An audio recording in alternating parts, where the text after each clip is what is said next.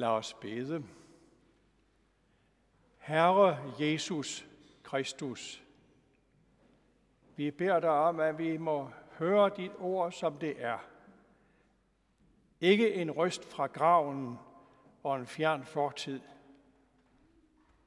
men et ord for dig, som lever i evighedernes evigheder, lever for os, er til for os, den vi må leve vores daglige liv sammen med. Amen. Kristus er opstanden. Ja, nu har jeg overrumplet jer, for hvis ikke jeg havde overrumplet jer, så har jeg jo selvfølgelig svaret, ja, han er sandelig opstanden. Sådan som den gamle ortodoxe påskehilsen lyder. Men I er lovligt undskyldt. Denne søndag hedder fra gammeltid glæde, glædens søndag, eller på latin jubilate deo, brød ud i fryderåb for Gud. Påsketiden, vidunderlig tid, Jesus lever. Det velkendte forlag Gyldendal har udgivet et materiale til folkeskolens kristendomsundervisning, hvor i sagesløse børn udsættes for grov manipulation med uvederhæftige påstande om, at det er usikkert, om der nogensinde har eksisteret en person, Jesus, og i hvert fald kan han umuligt have gjort de undergærninger, evangelierne fortæller om. I den kristne menighed anser vi det ikke bare for en kendskærning, at Jesus levede og gjorde undergærninger, men vi er fuldt forvisset om, at han opstod på tredje dagen og lever nu. Den engelske forfatter C.S. Lewis, kendt gennem Narnia-bøgerne, forlod den kristne tro og blev som ung en glødende ateist – Indtil han pludselig blev stoppet ved selvrensagelse og kom til at tænke på, gisp, evangeliernes beretninger er jo ikke eventyr, men virkelighed. I sin bog om sin tilbagevenden til den kristne tro, Surprised by Joy, skildrer han det. Overrasket af glæden Overvældet af en person.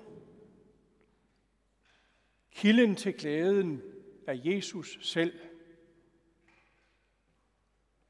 I dag på den tredje søndag i påsketiden har vi hørt et brudstykke af Jesu afskedssamtale med disciplene den sidste aften. Jeg skal se jer igen, og der skal jeres, glæde, der skal jeres hjerte glæde sig, og ingen skal tage jeres glæde fra jer. Men disciplene er kede af det, bedrøvede ved tanken om at skulle skilles fra Jesus. Og så er det Jesus, han siger frit gengivet, kære disciple, jeg kan godt forstå, at I er kede af det. Det ville jeg også selv være, hvis det var rigtigt, at vi skulle skilles. Men I tager fejl, hvis I tror, at jeg fra nu af bliver fjern og fraværende for jeg vil stadig være hos jer, bare på en anden måde, end jeg har været vant til. Det prøver Jesus den sidste aften at gøre sine disciple begribeligt. Men de forstår det ikke rigtigt og siger indbyrdes, indbyrdes, hvad er det for noget, han snakker om? Først efter opstandelsen faldt der skæld fra deres øjne, og de forstod, hvad han havde ment. Nu lever vi efter Jesu Kristi opstandelse og må have bedre forudsætninger for at forstå, hvad han mener.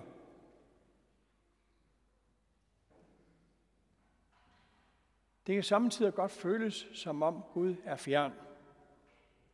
Langt væk. Det behøver man ikke som C.S. Lewis at være ateist for at føle. C.S. Lewis var kørt fast i sin ateisme med tanken om al den nød og elendighed, der er i verden.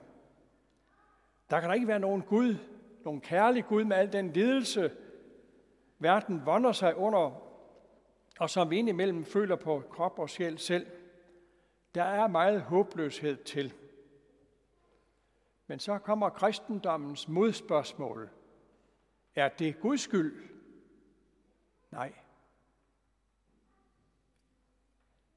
Det er som med de mælkebøtter, der pipler op alle steder lige nu. Frøene er spredt alle vegne i græsplænen, i flisegangen, i blomsterbedet. Der er spredt ukrudt i Guds skaberværk. Det er naivt at tro, at hvis der bliver fjernet et par ærketerrorister af de rigtig grove slemme, og hvis vi så når i mål med målet for CO2-udslip, så er verdens værste problemer bortelimineret. Ulyksaligheder og ledelse er et uudryddeligt problem for vores faldende jord. Det popper op altid, alle vegne overalt. Og vi er desværre en del af problemet. Vi er medskyldige. Men kristen tro er ikke håbløshed. Med Jesus er der tændt et evigt lys over verden. Det er den tid, vi lever i. Jesus den sidste aften lovpriser. Hans løfte er tydeligt. Ingen skal tage jeres glæde fra jer. Ikke fordi der ikke er noget at være ked af, for det er der.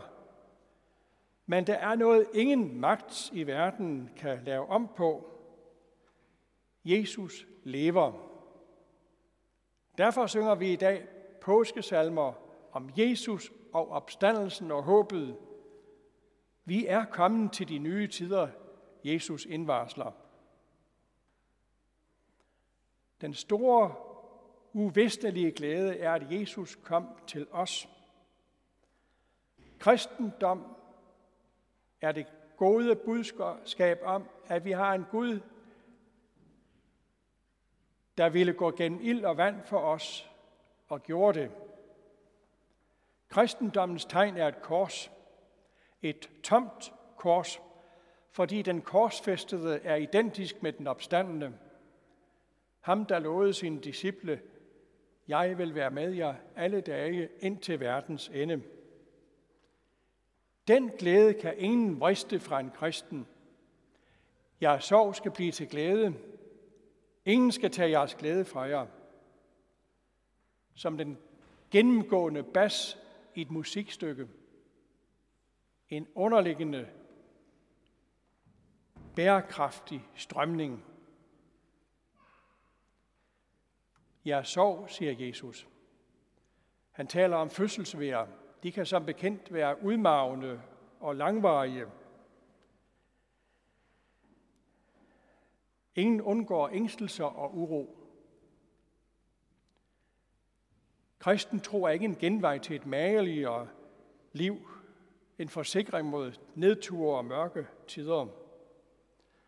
Jeg læste en god sætning i et interview i Kristi Dagblad i går, med den tidligere korshærschef og præst Bjarne Lenau Henriksen, der har pådraget sig en livstruende alvorlig sygdom. Og så siger han i en sætning, så jeg synes, det er herligt, det lever jeg med, altså den alvorlige sygdom, i tæt samarbejde med vor Herre. I tæt samarbejde med vor Herre. Det er fin.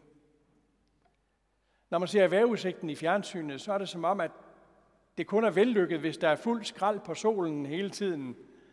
Jamen, så skulle vi da tage og flytte til Sahara. Nej, livet er som med vejret. Dage med blå himmel, vi kan godt nyde det, men der kommer også samtidig frisk pust fra nordøst, og dage, hvor skyerne ligger tungt over os.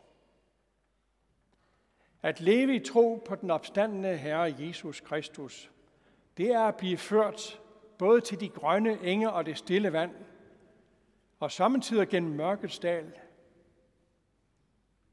Det er at gøre erfaringer med at håbe og tro og elske.